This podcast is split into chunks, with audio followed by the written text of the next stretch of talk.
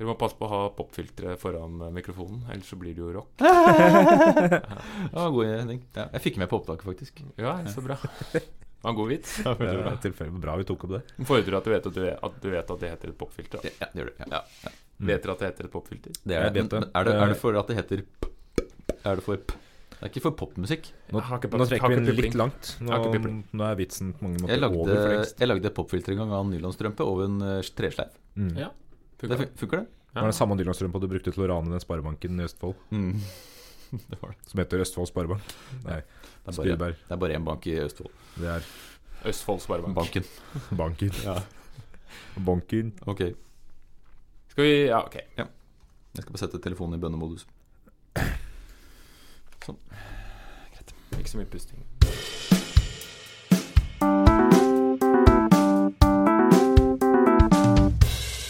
Den gang da. Hei, hei, hei, hei, hei, og velkommen til nok en episode av denne fantastiske historiske podkasten Den gang da. Eh, mitt navn er Henning Mortensen. Jeg sitter sammen med Jørgen Lie og Hans Rosvold Hontvedt. Velkommen, velkommen. Thank you, thank you, Thank thank you. you very much. Thank thank you, thank you. Går det bra?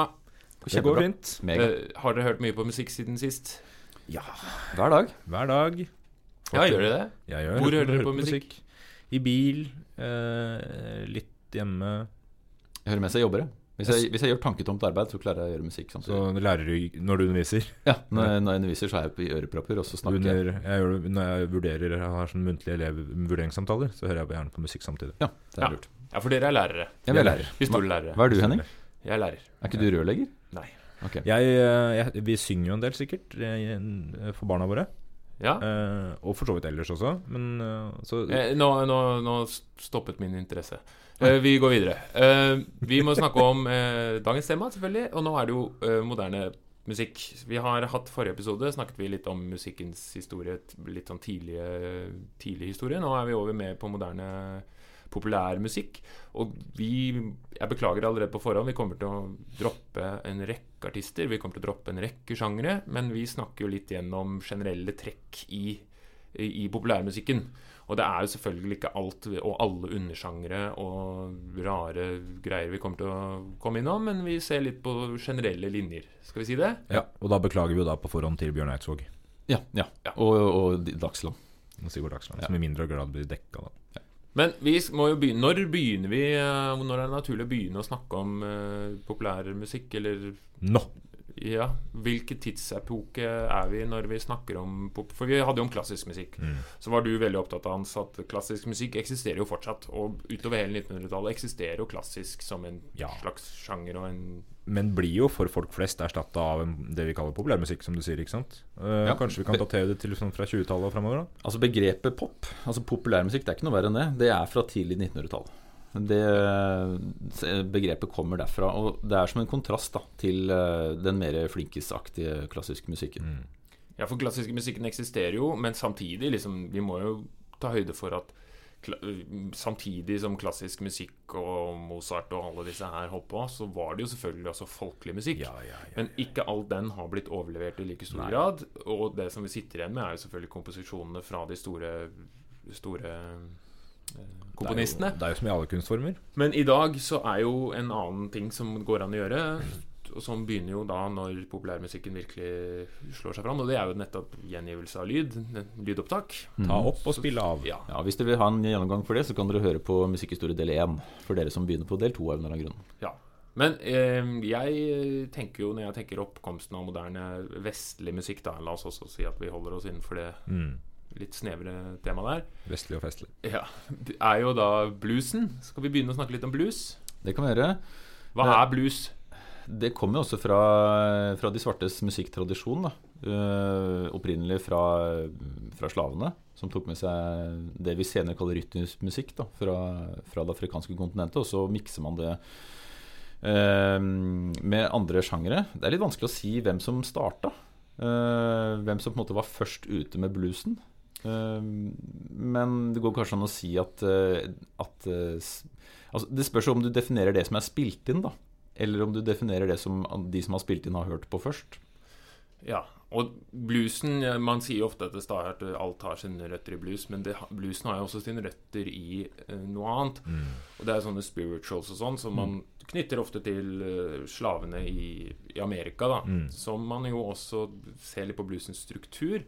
En blues har jo ofte en eh, en verslinje som gjentar seg selv, og så en tredje verslinje som på en måte skal rime.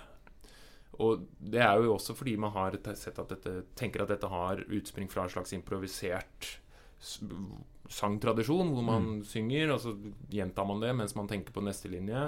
Så handler det ofte om litt at det er litt kjipt. Er litt kjipt, da. Mm, Ja. Du har jo også en, en sjanger som heter Dixieland på 10-tallet, da, tidlig 1900-tall, som kombinerte marsj og blues i en slags ny form. Da. Det er jo det, det som på en måte er for, forløperen til det som senere blir storband-sjangeren. Ja. Der har du Dixieland. Og det er, eh, det er, en, slags, eh, det er en slags blues, det òg, men det er uh, med flere folk og i litt mer organiserte former. Da, kanskje den enkleste form for blues. For den, vi må jo til Amerika når vi skal snakke om den fremveksten av den moderne vestlige musikken. Mm. Og bluesen, som man sier, er jo et bakteppe for ganske mye. Og bluesen starter i, eh, i de svarte miljøene og blir en slags folkelig sang- og spilletradisjon der. Og så ut ifra eh, det så bygger man også country. Noen vil jo kanskje si at country er et slags alternativ, et hvitt alternativ til bluesen. Mm. Så countryen, men countryen har jo også noe slags inspirasjon fra bluesen, men også da med sånn irske og skotske folketoner og Mm. folketradisjoner. Og var jo også en Ja, det er jo relevant å trekke fram det jo opphavet her i at eh, USA jo er bygd opp av folk som egentlig kommer fra andre steder, som da tar med seg en musikktradisjon både fra ja, Afrika, da, gjennom slavene, og fra, fra Skottland, Irland, England. Ja. Og, og mye av det, det vi har nevnt nå, det er jo sørstatsmusikk. Mhm. i stor grad. Altså, og det henger jo også sammen med at i sørstatene så var slavedriften eh, mer omfattende enn i nordstatene. Så mye av de svartes musikk kommer jo inn i form av disse stedene. Ja. Skal vi Ja. Ja, men man har jo også andre europeiske Man må huske at nå, nå er vi liksom inn på 1900-tallet. Eh, I tidlig 1900-tallet så skjer det jo en stor del ting også i Europa. Det er jo en del kriger og utviklingen av eh, sterke nasjonalstater og store imperier osv. Mm. Får dette noe påvirkning på musikken, da? ja altså, jeg, jeg tenker jo først på klassisk musikk, kanskje, da, når jeg tenker på at uh, den første verdenskrigen er litt sånn depressivt tiår. Eh, og fremveksten av det som blir atonal musikk osv. Um, altså musikk som ikke skal behage deg lenger. Altså kunstformen brytes litt ut. Men, eh, Absurditeten, liksom. At du det Ja. utfordrer heller behaget. Ja. men ja. Men hvis du, tenker, hvis du går videre til populærmusikk Etter første verdenskrig så har du en sånn veldig, i hvert fall i Amerika, en økonomisk vekstperiode. Det som kalles the roaring twenties. Ah, ja. Mm. Og da kommer jo festkulturen inn, og da kommer jo eh, også forbrukskulturen inn. Det blir Mm. mer vanlig å kunne kjøpe seg ting. Kjøpe seg platespiller, radio. Ting som kanskje ikke nødvendigvis har vært så tilgjengelig for andre, hvor musikk var noe du måtte fått live, som vi har snakket om tidligere. Men nå så blir det mer og mer fremveksten av avspillingsmuligheter også hjemme hos folk. Og det gjør jo også at fra 20-tallet og utover så ser du veksten av mer sånn kommersielle aktører og musikken. Ja. Mm. Og, og popmusikken, og, eller populærmusikken og country og bluesen som kommer litt mer ut i massene. Jeg, jeg tenker liksom Ja, eller Ja, men jeg tipper jo også at Eller tipper ikke. Jeg vet jo at eh, i og med at festkulturen på et eller annet vis pga. økende velstand fører til at flere folk har muligheten til å gå ut og nyte livet, på en måte, så fører det også til at livemusikken eh, blir større for folk flest. da Eh, og det er jo også litt sånn da, da går den klassiske livemusikken, altså klassiske konserter, går litt ut på dato, Mm. mens, eh, mens storband og etter hvert jazz og ja, blues og sånn da eh, overtar litt grann, ikke sant, på utesteder og, og sånt. jeg, jeg, For meg, 20-tallet, altså The Roaring Twenties, det er liksom Det er sidelengsdans. Med, med bein, liksom sånn, Charles, sånn Charleston-dans. Ja. Hvor man står liksom to Gjerne mann og kvinne står mot hverandre med hendene. Uten at de holder i hverandre, nødvendigvis, men de står liksom og danser bare opp Ja. og knekker i kneleddet. Det er liksom Det er 20-tallet for meg. Ja, Du nevner jo jazz her òg. Det har jeg aldri forstått meg på. Hva er jazz? Når er den kommer? Jazz kommer jo også fra de svartes musikk på tidlig 1900-tall, og det utvikles jo videre fra den Dixieland-musikken som jeg nevnte i stad, og via storband. Og eh, vi kan jo Jeg vet ikke om vi skal ta dette kronologisk så langt. Du liker jo at jeg hopper i årstall, Henning. Eh, men fram mot 20-tallet så har man, og 30-tallet er storband, storbandmusikken liksom det som definerer jazzen. Da. Så kommer vi, vi kan jo gå litt videre utover 30- og 40-tallet etterpå. Men hva er jazz? Vass, jazz. Vass, ja. Eh, til forskjell da, fra bluesmusikken så er kanskje fokuset på improvisasjon det, det som er vikt, det viktigste skillelinjen med, med den type populærmusikk. For jazz er en slags populærmusikk, det òg. Men så blir det på en måte den flinke populærmusikken. Fordi eh, Ja, hvorfor det, egentlig? Det er kanskje litt Altså, bluesen har jo en litt enklere struktur. Eh, det er jo en sånn en fire-fem type akkordprogresjon, samme i, i, i countryen. Mens jazzen skal gjerne utfordre litt Ja. og ha litt uh, rare akkorder. Og du skal gjerne spille med akkordene heller enn eh, Ja. Det er litt, Ja. litt vanskeligere rett og slett å utøve, og kanskje da også litt vanskeligere å høre på hvis du ikke er vant til det. Så, så de som spiller jazz, er de flinkere enn de som spiller blues? Er ikke nødvendigvis. Eh, du, du kan jo være dårlig på å spille jazz og god på å spille blues, og du Ja. kan jo være motsatt. Men, men strukturen er enklere. Også hvis man Jo, men tenk deg, altså, det er jo kanskje relativt sett vanskeligere å få det til å bli bra med enkle strukturer. Absolutt. Fordi du må gjøre mye ut av litt mindre. Mm. Uh, du har kanskje mer å spille på da, sånn rent tonalt i, i jazzen enn i, enn i bluesen. Men, men det morsomme med 30-tallet er jo at det er et par eh, At popmusikkens stjerner for 30-tallet, det er jo på en måte storbandlederne. Altså Det er jo de som blir eh, popmusikerne i jazzen, før man eh, går over til 40-tallet og får de virkelig store navnene som Miles Davis og John Coltrane, som, som først og fremst øker tempo på musikken i det som kalles bebop. Det går så sjukt fort. Og da øker man også vanskelighetsgraden. Så ja.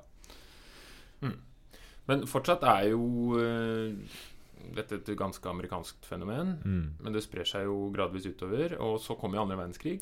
Da får du en liten demper, i hvert fall i Europa. I hvert fall jazzen. Jazzen, ja. Ja. Det er jo, altså, Populærkulturen sprer seg fra USA, litt sånn som alt annet fra USA, på 2030-tallet. ikke sant? Og du ser framveksten her i Europa òg. Eh, så langt opp som i sikkert eh, helt opp til Nord-Norge. Så ser du hvordan ja, I hvert fall i Norge da, så ser du hvordan den inspirerer f.eks. norsk visesang og sånt på 2030-tallet. Mm. Eh, uten at vi skal trenge å gå så altfor langt inn i det. Eh, men, så, men så ser du jo også hvordan hvordan noen fronter eh, i Europa er negative til den eh, moderne amerikanske kulturen. F.eks. Eh, det som etter hvert blir fascistbevegelsene og nazistbevegelsene. Hitler og sånn. ikke sant? Ja, for, hit, for USA fremstår, kom, kom jo frem som en virkelig stormakt etter første verdenskrig. De gjorde det. De kommer seint inn, de er på vinnernes side, og de tjener jo masse penger og gjør det veldig greit. Og blir en veldig, veldig veldig viktig stormakt. Både økonomisk og politisk, men selvfølgelig også kulturelt. Og så har du jo i Tyskland da, sånn, noen som mener at de burde være best. Hitler eh, vil jo helst bare høre på Wagner, eh, og Wagner hadde vel ikke hatt noe imot at Hitler hørte på han heller, tror jeg. Så, så han ville jo ikke ha noe med jazz å gjøre, for jazz er for moderne, og han mente jo også at det var altfor lite regelbundet. Eh, den tyske filosofen Theodor Adorno hørte heller ikke på jazz, men han mente da fordi det var for regelbundet. Eh, så du har jo mange fraksjoner da som, eh, som kan være enige og uenige på en og samme tid, på, sånn, ja, på 20-tallet, 30-tallet. Ja, det er på en måte en sjanger som, som Du skal gjøre ting riktig innenfor rammer der òg, Ja. men, men det er større frihet hvis du forstår rammene. Jo, men Er ikke det litt sånn som hipsterkultur? da At du liksom skal bryte regler, men holder deg til Jo. de andre reglene? Jo, og, og det er morsomt at du nevner akkurat det begrepet der, fordi mange av jazzbegrepene Mm. som vi bruker som altså F.eks. begrepet hipt, da, er jo et jazzbegrep. Mm. Kult. Og kult. Altså cool, Sløyt. Du har f.eks. cool-jazzen til Miles Davis som kom litt senere på 50-tallet. Ja. Det jo, altså Begrepene kommer rett og slett fra jazzkulturen, så det er en slags sånn tidlig hipsterkultur, som du sier, Hans. Mm. Eh, ja. Altså, og vi kommer komme i andre verdenskrig. Vi hopper litt eh, fram her og med sine ting. Og så ender jo den, og da igjen står jo USA frem som en viktig stormakt i Vesten. Og mye av musikken vi har eh, og skal snakke om, kommer jo også derfra. Og det er jo selvfølgelig oppkomsten av rock'n'roll som eh, vi må prate om. Ja. ja, skal vi, da hopper vi til 50-tallet. Hopper vi til 50-tallet. Eh, og det betyr ikke at de var først uh, ute med Altså, ingen er først der. Det er, liksom, det er vanskelig å spore. Og vi, vi, vi nevnte Robert Johnson, vi gjorde kanskje ikke det. Men han er jo den store inspirasjonskilden fra bluesen på 20-tallet. Og det er jo mange som hører på han også uh, utover 30- og 40-tallet og blir inspirert til å hva skal jeg si, gjøre bluesmusikken eh, Ja, hva var målet? Det er vanskelig å si, kanskje. Men, eh, men, men du har jo den, den klassiske starten på rock'n'roll-musikken er jo 1954. 1954 Bill Haleys 'Rock Around the Clock', som regnes som eh, den første rock'n'roll-plata, eller eh, låta, da. Unnskyld. Og så kommer Elvis samme år med 'That's All Right Mama'. Det, vil du synge den, Henning? Nei. Nei ok. Eh, og det, det er på en måte starten på rock'n'roll-bevegelsen, da. Ja, fordi nå kom jo Elvis inn, og der er det kanskje derfor vi begynte med bluesen. For den rocken er jo veldig inspirert av bluesen. Ja. Men rocken er jo noe mer i den forstand Én ting er jo selvfølgelig at uh, Elvis er jo hvit og tar dette inn i et mer mainstream publikum. Men det er jo også et slags opprør når han står på TV og vrikker med beina og danser og er ung og kjekk. Og Irriterende. ja, for mange var jo dette sjokkerende. At han skulle komme der og stå der og hoppe rundt som en uh, gærning og synge rart og danse og Dette er igjen sånn festkultur. Som, Mm. ikke sant? En sånn frihetstankegang om at musikken skal gjøre deg fri, og rocken er liksom der bare fordi det er gøy. Men også forbindes det jo med ungdomskultur. da Altså Ja. det, er, det er jo først og fremst den yngre generasjonens opprør mot den eldre. Sånn er jo, så Ja. ser man jo mange eksempler på. Og ungdomskultur er skummelt det, for den eldre generasjonen. Fordi de forlater ganske mye av den gamle. Det er for all del Når de blir eldre, så blir de konservative, de òg. Men en stund der så, så ser det hver for hver generasjon ut som at de kommer til å ødelegge det gamle. Ja, Og til rocken kom i Norge også. Det er jo en kinofilm, og hva heter den? Uh, En rockefilm. Ja. Ja, nettopp. Ja, Husker ikke. og nå står det helt stille. Men Ja. uansett, det kommer jo i hvert fall til Norge, og det ser du jo i gatene i Norge på 50-tallet. Mm. Ungdommen begynner med brylkrem i håret og går med skinnjakker. Hvit T-skjorte, James Dean-style. Ikke sant? Og begynner å, å, å ta, med denne Mm. litt sånn opprørske ungdomskulturen. Og ungdomstid som fenomen blir mye mer definert. Ja. Ikke sant? Det har jo også med fremveksten av velferdsstaten Ja, ja, du har tid til å være ung. Ikke sant? Er Mer tid til å være ung. Skolen eh, er et sted å være Mm. ung. Du skal ikke ut i jobb nødvendigvis etter konfirmasjonen. Og, og ungdomstiden blir et sted hvor du kan uh, gjøre litt opprør. Da. Og også som et mot, altså motsvar mot den der etterkrigs kanskje litt trauste hatt og frakk eh, Nå skal vi bygge landet og spise tørt brød i matpakka-tankegangen. Mugg på syltetøyet. Ikke sant? Nå skal vi Vi må allikevel huske å ha det gøy Ja. og, og bryte litt opp. Og, og rocken eh, fremstår jo som veldig sånn ungdommelig i begynnelsen, og så fortsetter jo med det, og med nye artister. Eller vi må jo snakke om Beatles, som også kommer inn på i 1960. Er det da de slår gjennom? Ja, det er lett å huske. 1960. De, ja. de andre årstallene som er sine Ja, men- ja, også fordi de varer til 70. Ja. Eh, og dette diskuterte vi i stad. Hva? Var det så kort? 60 til 70? Mm. Det er jo, men ja, det var det. Så, I hvert fall innafor de rammene vi kjenner Beatles som ja, Beatles. altså De fortsetter jo på egen hånd etterpå, men nå skal vi ikke foregripe alle årene. Men, men Beatles, for det første, det som var problematisk med Beatles, da, det er at de har for langt hår. Ja, fordi det er jo Det syns jeg er litt artig. For når vi i med dagens øyne ser på tidlig Beatles, hvor de står Stram der i slips og dress Mm. De ser ut som verdens ryddigste gutter. Gitaren høyt opp. Men de hadde jo hår over øra, og ikke sant? det var jo helt sjokkerende. Det er sjukt. Ja, At de hadde så langt hår og ikke, ikke bare klippa seg og gikk og, Fikk seg en jobb, i, og jobb i en eller annen fabrikk. Idiotisk. Så for mange så var dette Dette er jo en videreføring av ungdomsopprøret. Ja, ja. Så ja, er det, ikke, er det ikke 'Love Me Do' som er den første låta? Som jeg husker, i hvert fall. Eh, Og da betyr det at det er den første. Første låta som Ja. du husker. det er Men- greit. Men, men eh, den er utgitt i 62. Men, men eh, Beatles blir jo en sånn endeløs, endeløs rekke da av, av hiter. Og 60-tallet er Beatles store tiår. Men Med mindre du er Rolling Stones-fan, da. Da er det Rolling Stones. ja. Rolling, ja, og, det, og det skaper jo også et sånt sånn, Nesten sånn eh, Kan sammenlignes med å være fotballsupporter. Altså Enten Mm. så var du Beatles-supporter, eller så var du Rolling Stones-supporter. Men det er jo altså Beatles Dette massehysteriet som du ser rundt Beatles, når du ser konsertopptak, og du ser disse unge jentene som eh, helt krakilske skriker seg til de besvimer Det er jo en nytt, et nytt fenomen også her, hvor disse store artistene blir eh, på en måte så store at Det nærmest religiøst, da. Skjer det fortsatt? Ja, ja det jeg veit ikke. Eh, jo, Justin Bieber. Justin Bieber, ja Jo, Jo, ja, selvfølgelig. For, liksom, jeg, lurer, jeg har aldri, vært hysterisk på en konsert. så jeg Nei, vet liksom Nei. hva som ofte skjer. unge jenter, Ja. uh, uten å være fordomsfulle. Men jeg hadde vært bekymra hvis du var hysterisk på Justin Bieber-konsert Ja, eller. Marcus og Martinus konsert, men noen er jo det, da. Hvem sier at jeg ikke har vært det? Men Du, er jo, du sa det at du okay, ikke det, var det, det hysterisk. var jeg. Ja. Beatles måtte jo til slutt slutte å spille live, for de klarte jo ikke å høre seg selv scenen. Fordi det, det publikum skrek så fælt. Det er derfor jeg ikke møter til undervisninga mi lenger. ja, for vanskelig. Mm. Det hører meg ikke sjøl. Men, men, eh, men da, de, de, eh, de tar jo formatet til nye høyder, da. De blir jo, altså På et tidspunkt så, så sier Om det var de selv, eller var det noen andre som satt igjen 'Nå er vi større enn Gud'? Var det, var det ikke de selv? At vi er mer populære enn Gud? Større enn Jesus. Større enn Jesus, ja. Ja. Og, og det, er jo, det var sannsynligvis sant også, i visse kretser, at de blir en slags gudeskikkelser da, for veldig mange. Ja, og for de ikke-religiøse, så Ja. Og så er det greit. utover 60-tallet, og Beatles også får en rolle i dette, så blir jo poli uh, musikken også mer og mer politisk. Mm.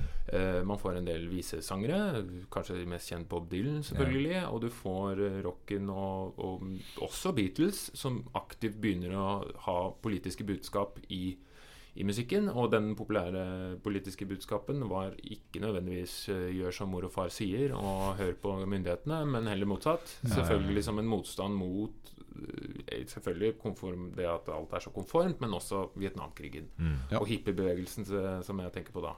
Ja, og eh, da må vi, hvis du, Siden du nevner Vietnamkrigen, så tenker jeg på Jim Hendrix, eh, selvfølgelig. eh, Som er en annen stor av de store rockegitaristene. Men han, han husker jeg best fordi han imiterte bombenedslagen med gitaren sin på Woodstock-festivalen i 69. Altså han, han eh, Du som er gitarist, Henning. Altså han han, eh, han han bruker fuzz samtidig som han, eh, som han tar, sklir på strengene nedover da, til dype toner. For å på en måte imitere og sånn sett være en protest da, mot eh, Vietnamkrigen.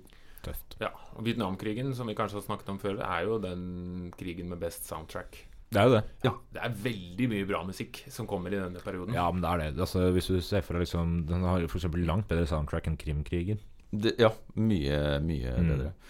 Men, eh, men Det er mye vi kult i napoleonskrigen òg, for er mye, men, tromme, mye trommebasert eh, marsjtakter og sånne ting. men, men her, her bør vi jo koble sammen musikken og hippiebevegelsen. da Eh, det er det jeg prøver å gjøre, det, Du er veldig flink, Henning, så nå skal jeg endelig ta hintet ditt. Gjør det. Men, gjør det. Ta hintet. Men eh, det blir på en måte det Raddis-miljøet da som oppstår eh, på mm, slutten av 60-tallet, egentlig, eh, blir jo den moderne popmusikken. Og kan vi kalle det en hipsterkultur?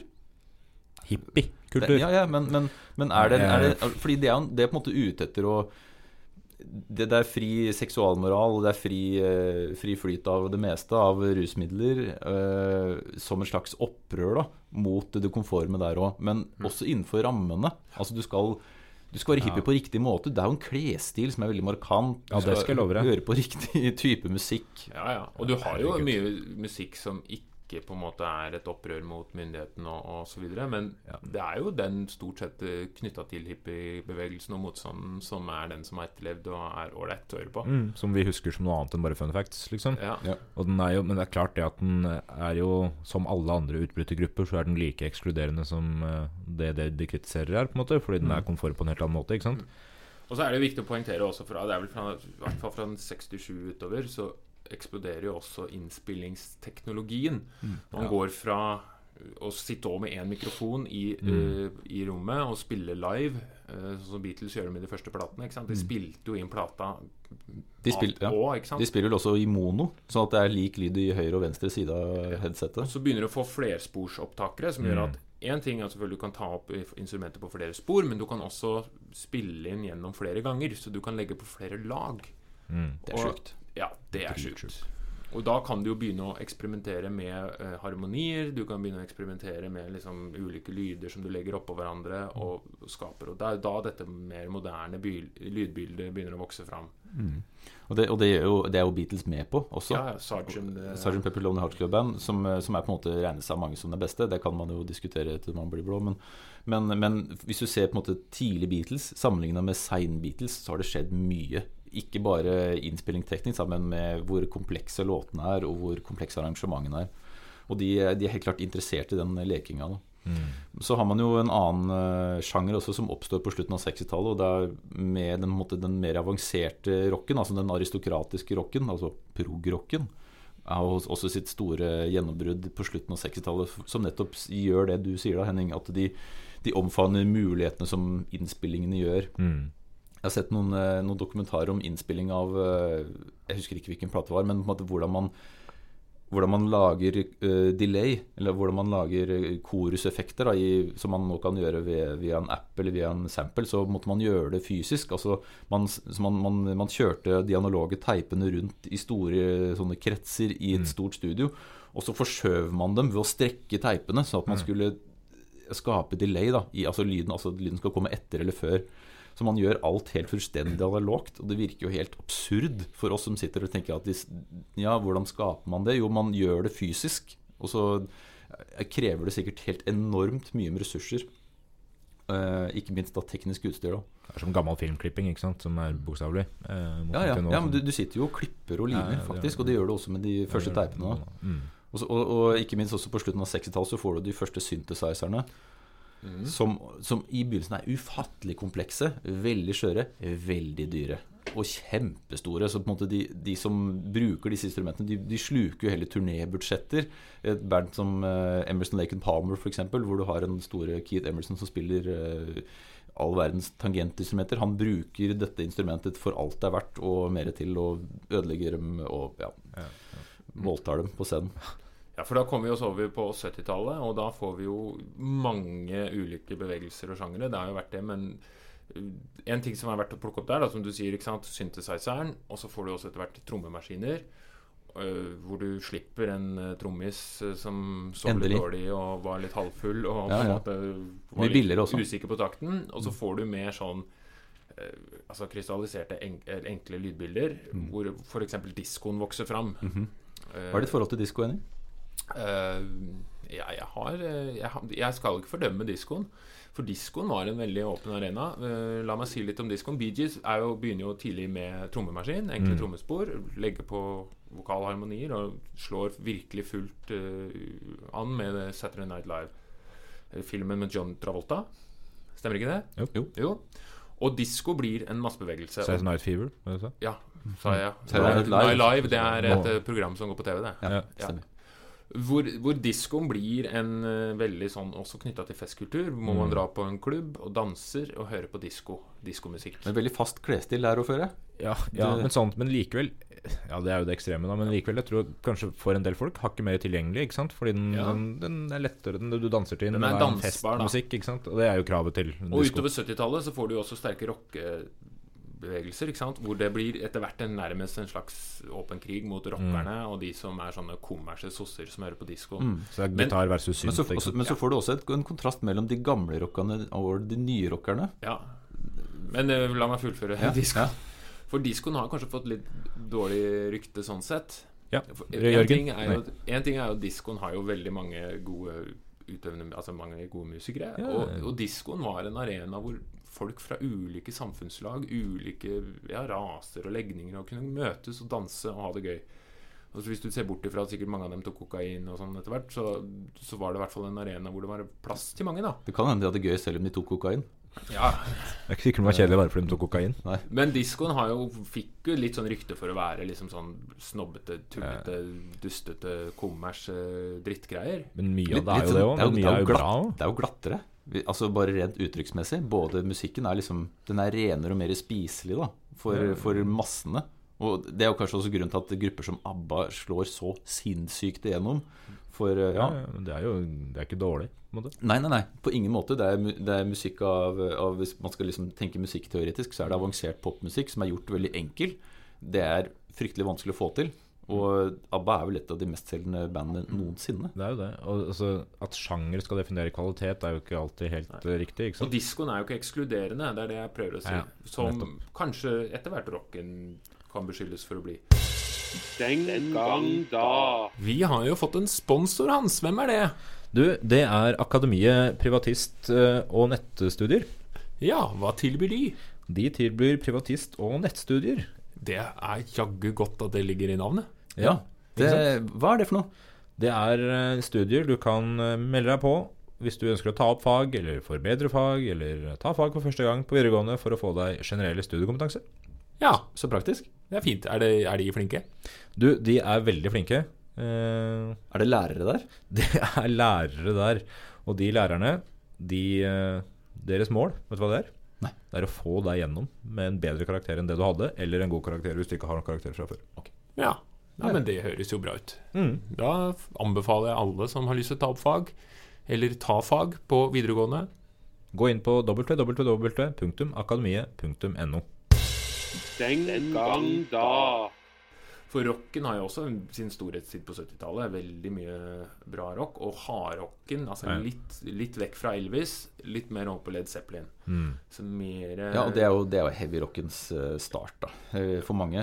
Men du kan jo se at, at eh, her er det alltid et opprør mot forrige generasjon. Altså det er på en måte, Nå tenker vi på en ny måte, da. Og Led Zeppelin er For de som vokser opp på 70-tallet og liker rockemusikk, så er jo Led Zeppelin av de virkelig store. Det fins jo, jo etter hvert så mye musikk at man ikke nesten klarer å orientere seg. Altså Tilbudet blir mye større. Ja, overvelkelig. Etterspørselen og tilbudet. Men, men så har du også progrocken, som eksisterer på seint 60-tall. Den overlever også via Pink Floyd eh, i mange år, fram til 80-tallet egentlig. Men, men så har man også en sånn en avskalling av rocken, da, som, eh, som vi har nevnt et par ganger, med at den, det er et behov for en kontrast der òg. At musikken blir så avansert og, og flink at man får etter hvert eh, musikere som vil gjøre det på en enklere måte. Og da har man punkebevegelsen som Mm. oppstod på slutten av 70-tallet.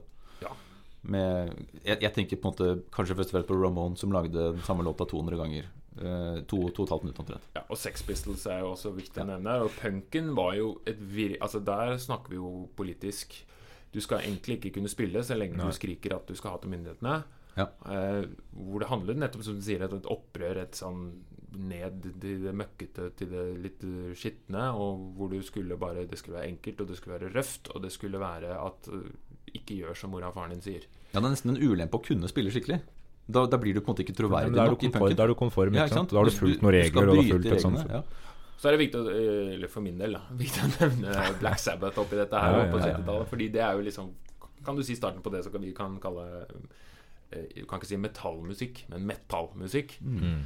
Og mer tyngre uh, Tyngre musikk. Hvor man er veldig glad i djevelens intervall, da, som vi har nevnt i forrige episode. Ja, og, og, ja, og også sceneshow, som bærer litt preg av dysterhet. Ja, knytta opp mot uh, litt, nærmest det sataniske, som kanskje gjort Ja. at veldig mange mener at Eller veldig mange frykta den type musikk. Ikke sant? Både Ja, ja, ja. rock og, og metal etter hvert var liksom djevelens musikk, og det var helt motbydelig. Men, At man kunne høre på noe sånt. men liksom også i Osborne som figur, da. Han, Han bygger opp under det sjøl. Det er jo ikke akkurat uh, tilfeldig at folk begynner å tenke Nei, sånn. altså det er, det er en slags sånn teatralsk effekt. da At du, at du skaper Akkurat som, eh, som, eh, som black metal-miljøet også har gjort i seinere Mm. tid. da At man, man bygger opp under myter og eh, bruker tekst og historie for å framstå som skummel. Mm. Og da, ikke sant, Det er jo 70-tallet, og det er hvor rocken skal være et opprør, og den glade popmusikken lever ved siden av, men hvor rocken og, og metallen skal være sånn eh, drit i alt og dra til helvete-type ting. Men så kommer vi over på 80-tallet, hvor det blir mer sånn lystig festtankegang. I, i, I rocken er jeg nå, altså. Kommer på, med på popen etterpå. Hvor du får mer sånne festband og Van Halen og etter hvert eh, Mye hår. ja, mye hår, og det er knytta til Sunset Trip i det er Los Angeles, og det er liksom fest og drikking og damer og gøy, og Ja. det skal være der, da. Uh, hvor rocken blir en slags eh, ja, fest og, og moro, og så- bare la oss ha det gøy og være unge og gærne. Men så er velstanden litt bedre i samfunnet da, på 80-tallet. Ja. Du får en jappetid, ikke sant. Men det nesten gjelder jo både. USA og resten av verden. Ikke sant? At du har Ting begynner å stabilisere seg. For første gang siden en verdenskrig så er liksom uh, Så det er endelig råd til hårspray. ja, Ja. men det er litt sånn, da. Ikke sant? At eh, folk uh, har mer gryn. Det går framover. Så da trenger man kanskje ikke å være like forbanna lenger. Um, Og teknisk ser vi også, i hvert fall musikalsk knytta til gitarer og sånn, er jo at folk blir flinkere og flinkere til å spille. mm. Ja, og, og, ja, og det er jo gitarheltenes altså, ja, nå, skal vi, nå, nå tråkker vi på mange tær. Vi må ikke glemme, glemme Eric Clapton og alle gitarheltene David Gilmore og sånn fra 70-tallet. Men, men det, det, another level, kanskje? Ja, for de lærer på en måte å stå på Man lærer av hverandre og utvikler, og neste generasjon tar det et steg videre. Det går fortere. Det går fortere, og det er mer teknisk, og det er vanskeligere sånn rent å sp- ja, spillemessig, Mm. eh, kanskje. Og det skal være fort og gærlig, ikke gærlig, fort og riktig. Ja. Det er viktig. Eh, og rocken utvikler seg jo med proggen og sånn, som du sier. Men eh, vi må snakke litt om popen òg. Fordi du nevnte jo synthesizer og sånn. Mm. Er det noe viktig på 80-tallet? Ja, du har jo New Wave eh. Ja, du har New Wave, eh, den britiske popmusikken, da, med, eh, med det som senere Altså Morrissey og gjengen, da. Og tidlig på 80-tallet. Eh, Det er en slags enkel form for popmusikk. Det er veldig, veldig enkelt. Særlig hvis man sammenligner det med 70-talls eh, Altså, det er jo enda enklere enn diskoen. Det jo, det er jo trommemaskin, og det er enkle låter, men veldig lekkert gjort. Uh, sier jeg selvfølgelig helt subjektivt. Jeg, jeg liker den type musikk. Uh, men det er en slags kontrast også til, til det mer Hvis man setter new wave-musikken sammen med punkemusikken, da, Mm. så har man det to svært Mm. forskjellige uttrykk. Ja. Jeg eh, tipper nok mer over i punkeleiren der, altså. Ja. Jeg må innrømme det. New Wave-greiene er ikke helt min stil. Nei, jeg skjønner Nei. nei. Det er, jeg, jeg liker new waven. Den, eh, Det skjønner jeg at du jeg- gjør, men du er også, du er også veldig glad i komplisert jazz. Ja, i hvert fall mer enn punk. Mm. Så, eh, men, så jeg, men, men jeg føler meg ikke spesielt konservativ likevel. Er det liksom Nei. Er, nå er vi inne på problemet med musikk. Det er ulike meninger. Og hva man liker, betyr ikke nødvendigvis å trenger ikke være kobla til politiske holdninger. Nei, men mange status. tenker det likevel. Ja, mange tenker det, men så er det jo alltid noen Man, man trenger pushe litt jeg er jo svært litt. konservativ, men jeg liker, vel, jeg liker jo punk. Du er Ja. kjempekonservativ, Henning. Ja. Men man liker jo på en måte Det er alltid noen som utfordrer videre, fordi på et eller annet tidspunkt så blir noe konformt. da ikke sant? Mm. Hvis det har vart lenge nok, så blir det stuereint fordi de som en gang likte det og var i opprør, nå har blitt voksne og har kontorjobb og fortsetter å like musikken. Det er litt sånn som jazzen på et eller annet tidspunkt òg var jo ny og opprørsk, og så har den også blitt relativt konform, kan vi kanskje si. Helt til noen kommer og utfordrer sjangeren Ja. på Ja. nytt. Men så får du jo den fortsettelsen av den populærmusikken. Eh, Madonna er jo selvfølgelig verdt å nevne på 80-tallet. Ja, eller Prince, kanskje, eller Michael Jackson. Ja, og Michael Jackson virkelig Ikke minst. starter sin Eller har sin solokarriere, vokser og, og blir bra. Og hvit. Ja, han blir det òg. Men det er jo da er også synten viktig. Og? Viktig med den videreføringa. Lydbildet litt fra diskoen som eh, popmusikken tar med seg videre, da. Men, men kan man liksom driste seg til å si at 80-tallet er en periode hvor, hvor kompleksiteten i popmusikken blir så vid da, at, uh, at sjangermerkelappen er, begynner etter hvert å bli vanskelig å holde styr på? Absolutt. Jeg syns i hvert fall det. Ja. Eh, Jeg, jeg har brukt mye av livet mitt på musikk, men jeg syns det er vanskelig å, stadig vanskelig å sette i bås. da fordi, fordi man låner av hverandre, og for man setter sammen nye sjangere, og man låner eh, fra rock og pop og putter inn i nye altså, Som et eksempel, da i, på, på 70-tallet så, så blander man jo rock og jazz i fusion. Altså Mm. fusion bare en sammenblanding. Ikke sant? Så får man Ok, hva er det da? Er det jazz? Er Det det rock? her tipper jeg alltid har skjedd. Spørsmålet er jo bare, eller Problemet er jo bare at vi er så nærme i tid. Ikke Ja. ja. Og så er det jo viktig, ikke sant? selv om eh, Madonna ligger på topp med 'Material Girl', og, og er- det er den store hiten det året, så er det jo fortsatt jazz på jazzklubber, og det er Ja. fortsatt country og countryartister og egne country charts, og det er egne ikke sant? Så det er jo ulike strømninger nå som Det er ikke én Nei. enhetlig bevegelse som på en måte favner alle, da. Og, og selv om det var vel Ja, da var vi tilbake til 30-tallet. eh, 20-30-40-tallet. George Gershwin begynte å lage eh, jazzinspirert klassisk musikk sammen med en del andre i året. Ikke sant? Shostakovich og sånn. Det betyr jo ikke at de to forsvinner og blir en ny ting allikevel. De lever jo videre Nei, altså- hver for seg. Og, og en annen karakter, det er som Miles Davis, som vi nevnte her, som, som, har, eh, som, som er trendsettende i flere tiår. Altså først med bebopen, så med cool jazzen, og så med fusion-jazzen utover 70- og 80-tallet. Han er jo en, en fyr som er en kameleon da, innenfor musikksjangerne, men som, som også definerer sjangerne. Og etter hvert går over i ja, ikke pop-jazz, da, men han eh, han, han kler seg i stadig styggere frakker og på en måte tar inn over seg 80-tallskulturen nå, selv om han er en, en gammel dinosaur da, fra, fra 40-tallsmusikken, egentlig. Så, men men, men uh, musikken Nå går jeg litt opp på rocken igjen. da Ja. Fordi når vi går fra 80-tallet og partyrocken Mm. og de store eh, partyrockbandene, så får du en motreaksjon mot det igjen. Hvor du får grunchen fra begynnelsen av 90-tallet. Mm. Seattle. Ja, så mye har sitt utspring i Seattle. Nirvana, selvfølgelig et band kanskje en del kjenner. Mm. Pearl Jam og osv. Men det er jo også en slags motreaksjon mot litt den derre ekstreme gitarrunkinga, for å bruke det begrepet, og lange håret og festkulturen som er i rocken. Så hvor du tar det litt mer ned på gulvet. Det skal være enklere, det skal være røffere, og du skal gjerne ha et budskap som skal være sårere, og det skal være litt sånn nærmest litt trist. Og så, og så går de også med sånne klær som du har på deg nå, Henning. Ja, Det er lett for- rutete skjorter. Det Ja, det, burde, det burde også vært i tung flanell. Flanellskjorte, ja. så hadde du vært en perfekt gruncher da. Ja. Den, den jeg har på meg, med andre ord. Tung Eh, flanell. ja, det er så formell, uformell du blir, Hans. Det der. Rutete flanellskjorte. Ja. Det er relativt uformelt, men, da. ja, men det, er, det, er, eh, det er en slags tilbake Ja. til røttene også, rock, da. Ja, for jeg vet at i eh, norskfaget, hvor dere også underviser, så snakker man jo om i litteraturhistorien en svingning mellom yes. Pendel. ja, følelser Mm. Og fornuft. Yes. Ikke sant? Det går i en periode romantikken legger vekt på følelsene, og det skal dyrkes og alt mulig, og så går man over til realismen, er det vel, hvor liksom fornuften og det ekte og sånn skal fram. Og litt det samme har du jo i musikken, og kanskje spesielt i rocken, da, eh, hvor du har eh, fest og kompleksitet som på en måte blir forsøkt dratt ned. Eller Mm. ikke dratt ned, det er kanskje feil begrep å bruke, men hvor man har en motreaksjon. Hvor noen mener at det har gått for langt. Eh, Mm. Og så henter man seg glamrocken går for langt. Det blir for nærmest kommersielt. For på, på 80-tallet er jo rockestjernene virkelig de store stjernene. Mm. Eh, på, på lik linje med Justin Bieber. Da, ikke sant? Altså De er virkelig Rocken er stor, Ja. og så prøver jo grunchen å dra det litt mer De blir ganske store, de òg. De blir veldig, Jo, veldig men store, men de kan... forsøker jo ikke være det. Nei, det var man møter seg Du skal sjøl litt ikke- i døra, da. Du skal ikke like det. Du, skal, du kan godt bli kjent og rik og berømt, men du skal ikke like det. Nei, men det er, det er alltid sånn det blir. Ikke sant? Den bipolare tendensen i kunst Ja, og og- kultur. Eh, det går i flere retninger, og så blir alt like populært til slutt. Ja. Du, og du nevnte Nirvana, Henning. Han er jo et eh, klassisk eksempel på en, eh, en motvillig stjerne. Ikke sant? Kurt Cobain som, som tar livet av seg i 1994 og ved å skyte seg sjøl i huet. Han er jo han, eh, Ja, men han- er jo en, en fyr som ikke ønsker den oppmerksomheten som musikken hans gir, men som samtidig blir en sånn ledestjerne for en hel generasjon. Ikke minst etter sin død, fordi han blir en martyr. Han blir en slags udødelig legende. da men sånn finner man jo flere eksempler på. At folk som har drevet med musikk, ikke gjør det for å bli populære. Men, men det, er, det er interessant at det skjer i så, i så offentlig rom, da.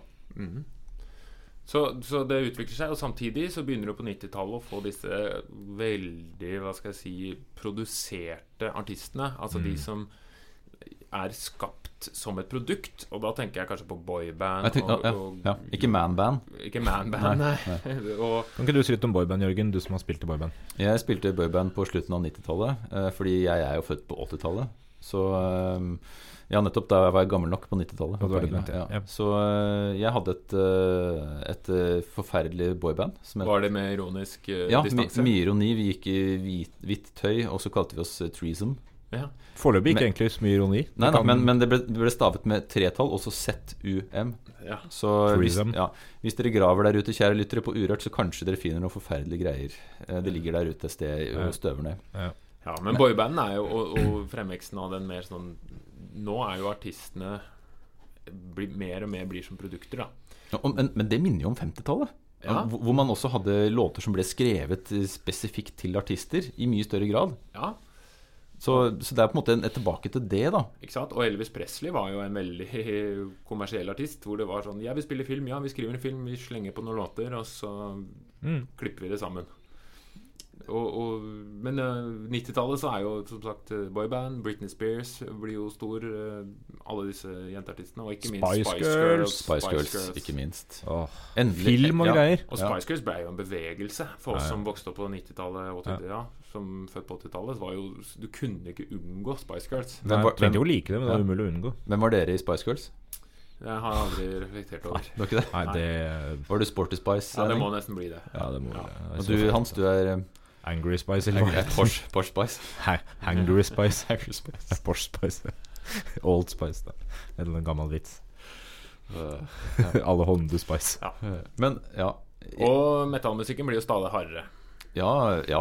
Og, Fortere og mer aggressive. Og det jo, den begynner jo også for virkelig på 80-tallet, med Metallica, ikke minst. Og så vokser jo Mm. videre og blir bare hardere og hardere. Så har du jo I norsk sammenheng så er jo selvfølgelig black metal viktig. Ja, det er jo den store eksportsjangeren til norsk musikk Nei, er på 90- og 2000-tallet. Med, med, med svartmetall og i, i mange sjangere. Og her er det viktig å trå riktig. Hvis man, hvis man trår feil i sjangeren her, så er man ekskludert. Mm -hmm. Og her er det også bevegelser som lefler med, med myter, da, som vi snakka om i stad. Satanisme og sånn. Uten at, uten, at, ja, uten at bevegelsen selv egentlig var så veldig opptatt av det, tenker jeg. Men de, de ante at det var et appell da, Ja. i å spille på, eh, på ekstreme ting.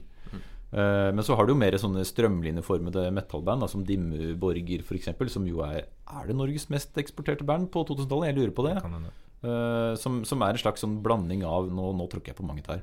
Uh, på, av metall og Grand Prix. Det er jo det Du, det du valgte å gå dit, ja. ja, ja, men fordi det er så teatralsk. Altså at man, man, man kler seg i kostymer, og det skal spilles på riktig måte. Og det er, og det er ganske mm, tilsynelatende Bortsett fra at det er ganske humorløst på scenen. Altså Det er, det er, det er helt uironisk tilsynelatende, men jeg er litt usikker. Det er kanskje en blanding. Peiling. ja. Ja. Det, ja, nei, det er vanskelig. Det er ikke alle som er med i Grand Prix som heller ser humoren i seg sjøl. Altså. Nei, det er men det, mye litt ja. ironi. Det er mer ironi fra oss som er på utsida. Men veldig teatralsk er det i hvert fall. Det, det er det. Så, ja, også, også sceneuttrykket, og Ja, ja, ja. også det kostymemessige og sminke og, og en hel historie rundt det du lager, da blir veldig viktig for altså Nesten viktigere enn musikken. da Mm. jeg, jeg føler sånn at vi tråkker på veldig mange tær ved ikke nevne hiphop. Ja, det er sant. Så gjør det, da. Mm. Ja. Altså Nevn det. Nevn ikke, ikke tråkk på Da har vi nevnt hiphop. Nei, Vi må si litt om Ja, hiphopen. ja. Ja. hva kan du si om hiphop, da? Siden du trekker det opp, eller? Eh, altså, utspring også for, fra seint 70-tall. Eh, Rappers Delight og tidlig 80-tallet. Men det tar lang tid før hiphopen på en måte blir en kommersiell aktør. Altså Før det på en måte virkelig slår an. Men utover 80- og 90-tallet så blir jo hop- hiphopen den nye popmusikken for mange. Ja. Hiphopen har jo sitt utspring i liksom urbane USA. Og den svarte befolkningen Mm. som bor i den urbane delen, i gjerne litt, uh, litt fattigslige strøk. Hvor det egentlig er jo å begynne på fester med DJs som spiller plater, og så begynner noen å prate imellom. Og, og noen blir veldig flinke til å prate mellom og prate oppå musikken. Og så er det noen som tar denne rollen og tar, utvikler den videre.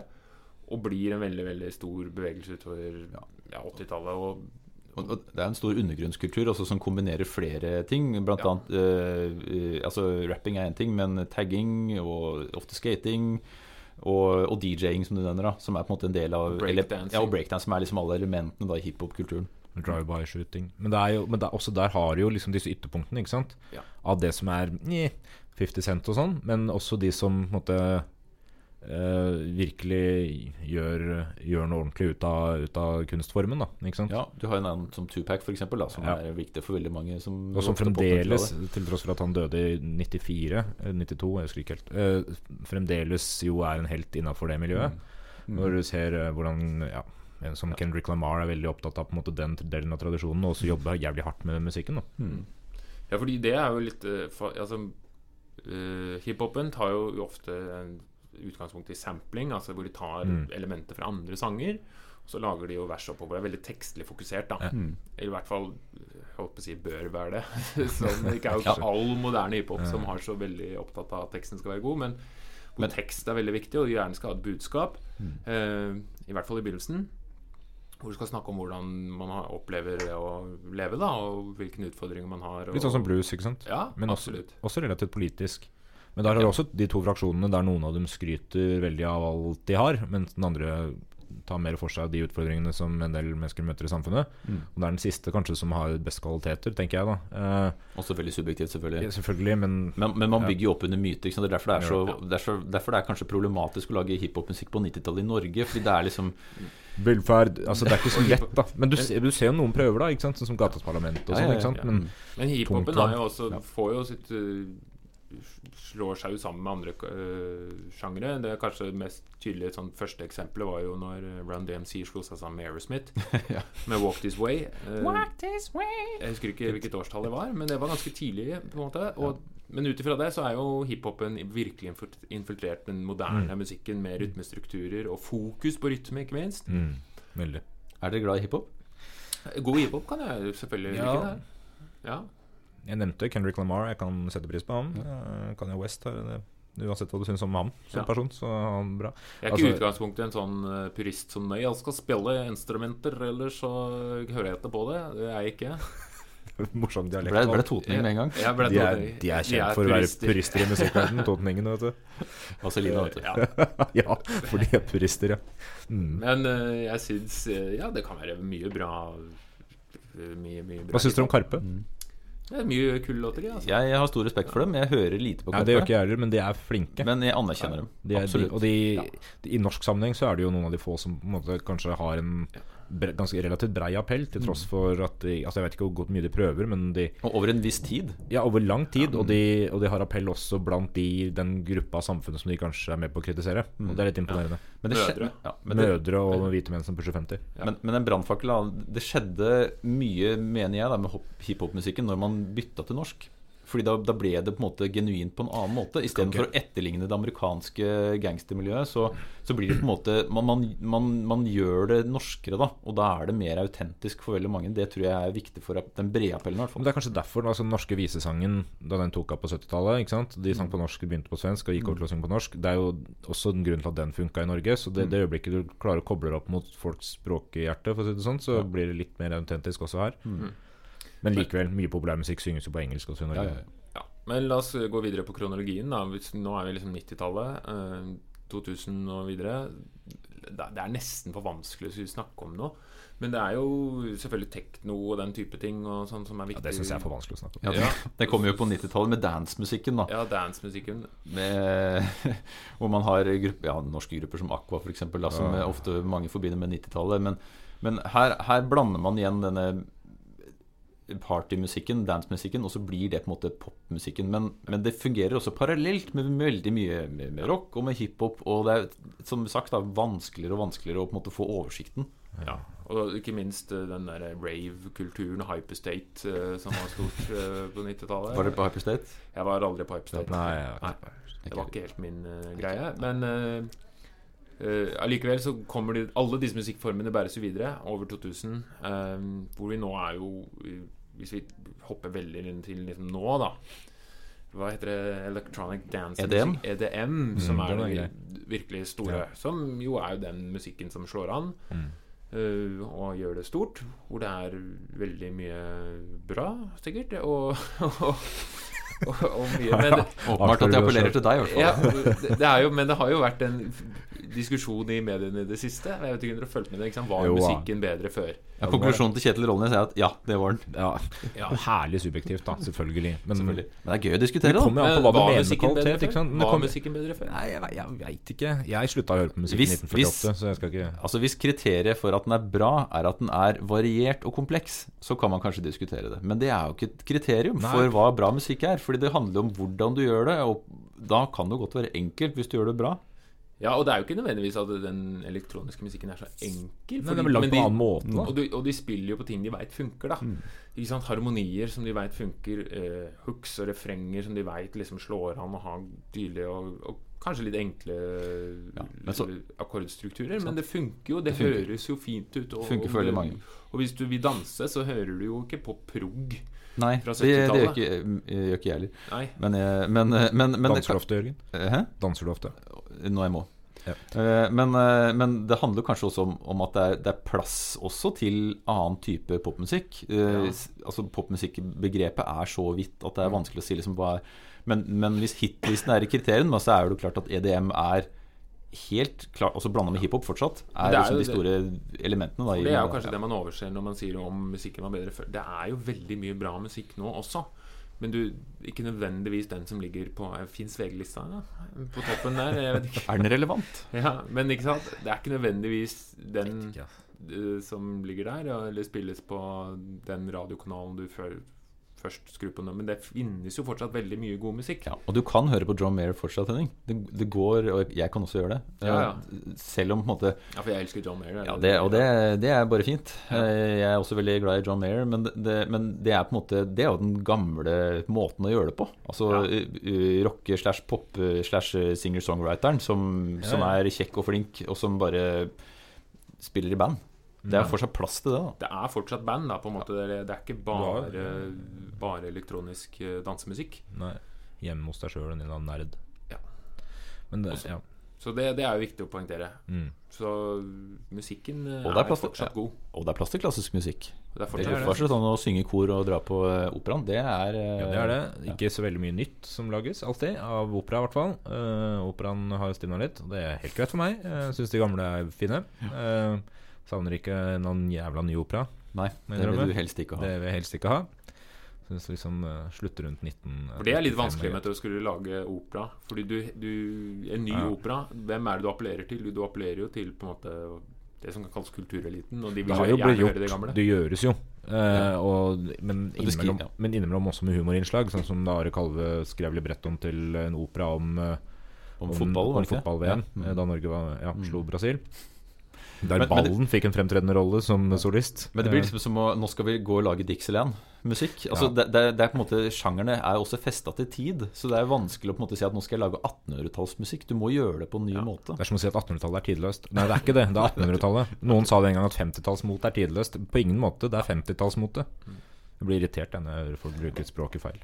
Men det er jo er ikke det på en måte den øh, voksne generasjonens plikt også? Å mislike de unges musikk? Jo, men, ja, og jeg tror det er Det er derfor jeg er hater Babyshark. Baby Shark. Ja, ja, men det er litt av grunnen til at Ja, det er ikke bare det, tror jeg. Men det er, men det er vel også litt av grunnen til at ungdom gidder å pushe grensene. Fordi de veit at det kommer til å møte provokasjoner. Hvis man ikke hadde prøvd å bevare det gamle, så hadde heller ikke noe nytt blitt skapt. da Fordi ingen hadde sett behovet for det. Nei. Når de ikke møter motstand. Som i all annen Så det tror jeg er veldig lurt. Som i all annen kunst. Som i all annen kunst og i samfunnsspørsmål for øvrig. Ja. Skal vi si oss eh, ferdig med dagens sending? Ja, Vi kan gjøre det. Ja. bare, Skal vi, må, vi må konkludere først, da. kommet, musikk kommet for å bli? Kommet for å bli. Ja, Ja. Ja. tror det. Jeg, eh, vi må også bare nok en gang gjenta beklagelsen til alle de vi eh, musikksjangeren og personene vi ikke har nevnt. Eh, Vanilla Ice, Kraftverk. Uh, men eh, jeg Milli, vanilje, Milli Vanilli, ikke minst. ja. Ja. Milli Vanilli Ice. Men eh, ja, vel blåst. Eh, Da får vi jo høre litt på musikk. Og eh, kos dere med det. Og så sier vi takk for nå. Takk for nå. Vi høres. Ha det. Ha det.